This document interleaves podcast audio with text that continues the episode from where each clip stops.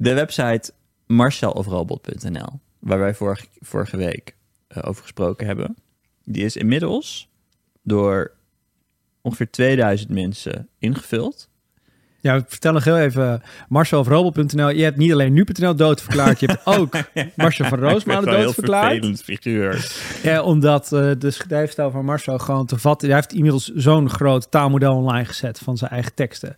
Of genoeg teksten online gezet dat een taalmodel daar, daar raad mee weet. Dus de these is, Marcel kan vervangen worden door, Door een, een taalmodel. ja. Door een robot.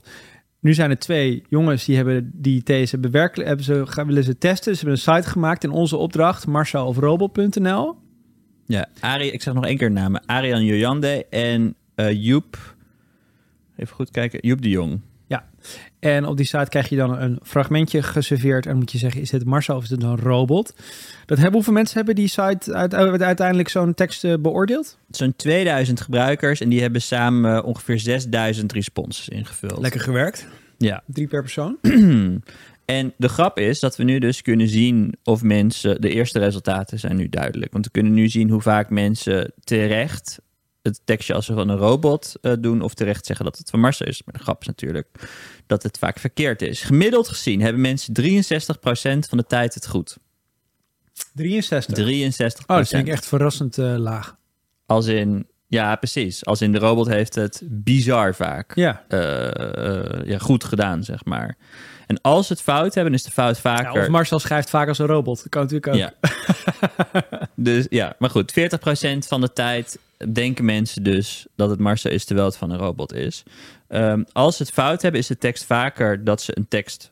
eh, dat ze een robottekst zien als een tekst van Marcel. Dus ze ver- ver- verwarren de robotteksten van die van Marcel vaker dan andersom. Oké, dus de, De robot tekst- doet het beter. Ja, de tekst die tot nu toe het meeste mensen als eentje van Marcel zagen, terwijl die van een robot was, in, namelijk in 81% van de gevallen, is deze. Oké, dus dit is een tekst geschreven door een robot, Robot, maar waarvan mensen- mensen... denken dat Marcel hem geschreven heeft. Oké, kom maar op. De inspraakavond over het gevaar van overstromingen verliep zoals elke andere avond in de kantine van een middelbare school.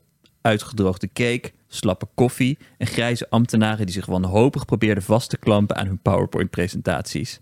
Op de eerste rij zat een man met zo'n zelfvoldane glimlach dat je bijna zou denken dat hij zelf het water had laten stijgen om deze avond door te mogen gaan. Wauw, die laatste...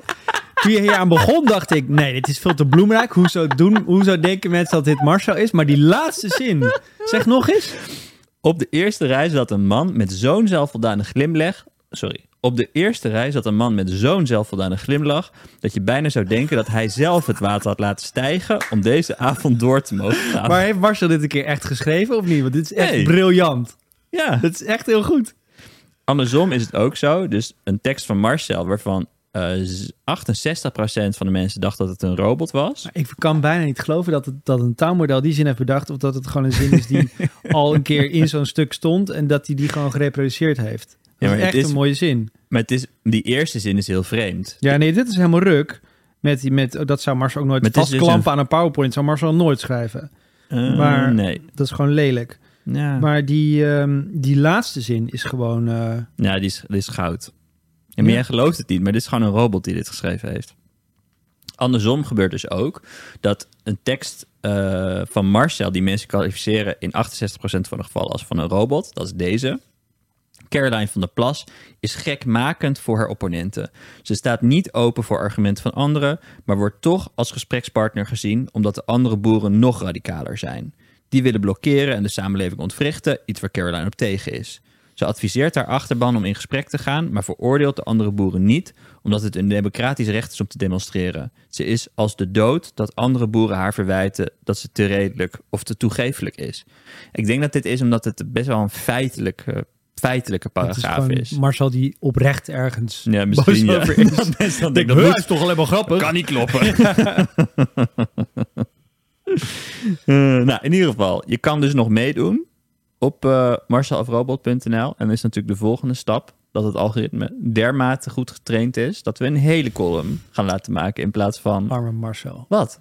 Ja, ik begin een beetje met hem te doen te Waarom? krijgen. Omdat ik weet dat hij dit helemaal niet leuk vindt. Vind je dat, vind je dat ik te ver ga? Vind, je nee, dat, ik vind het wel... vind je dat ik het hierbij moet laten? Dat het gewoon het punt is gemaakt. eh, het is natuurlijk wel interessant dat... eh, om te kijken of dit echt gaat lukken. Ja, Dus mijn- mijn in- neiging is in- om in- helemaal Ik ben door- er wel geprikkeld, maar...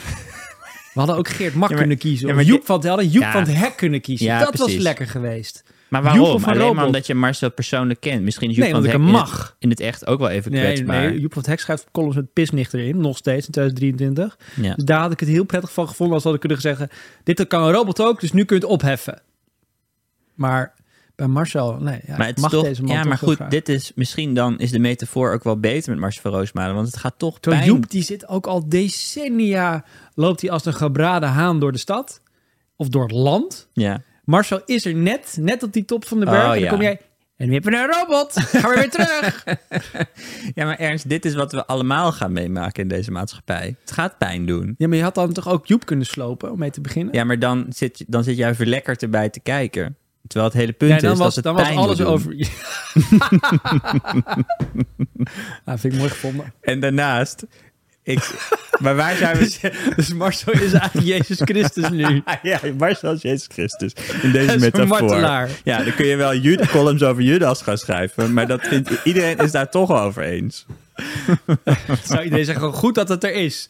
Terwijl nu begrijpen mensen echt wat voor bedreigingen. Nu heeft Erik Rodolf ook zoiets van, oh, oh, maar als zo'n sympathiek iemand als Marcel aangepakt kan worden, dan moeten we hier echt wat mee. Nee, het is van Mediahuis, dat boeit hem niet. Maar eh, hoe ver zullen we hiermee doorgaan? Sylvia Witteman, dat je ook kunnen pakken.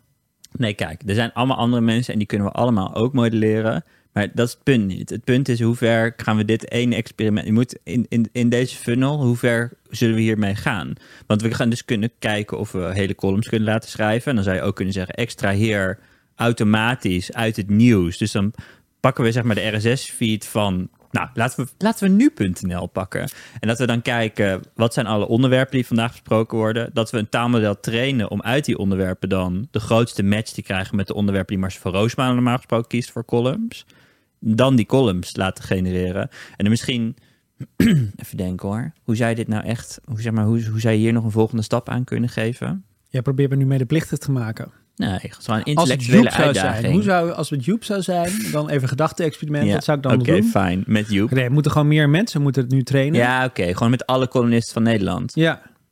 En dan gaan we boekjes uitgeven. Nou, Joep maakt hele mooie bundels. Listen to the full episode of Pom on Podimo from Denmark.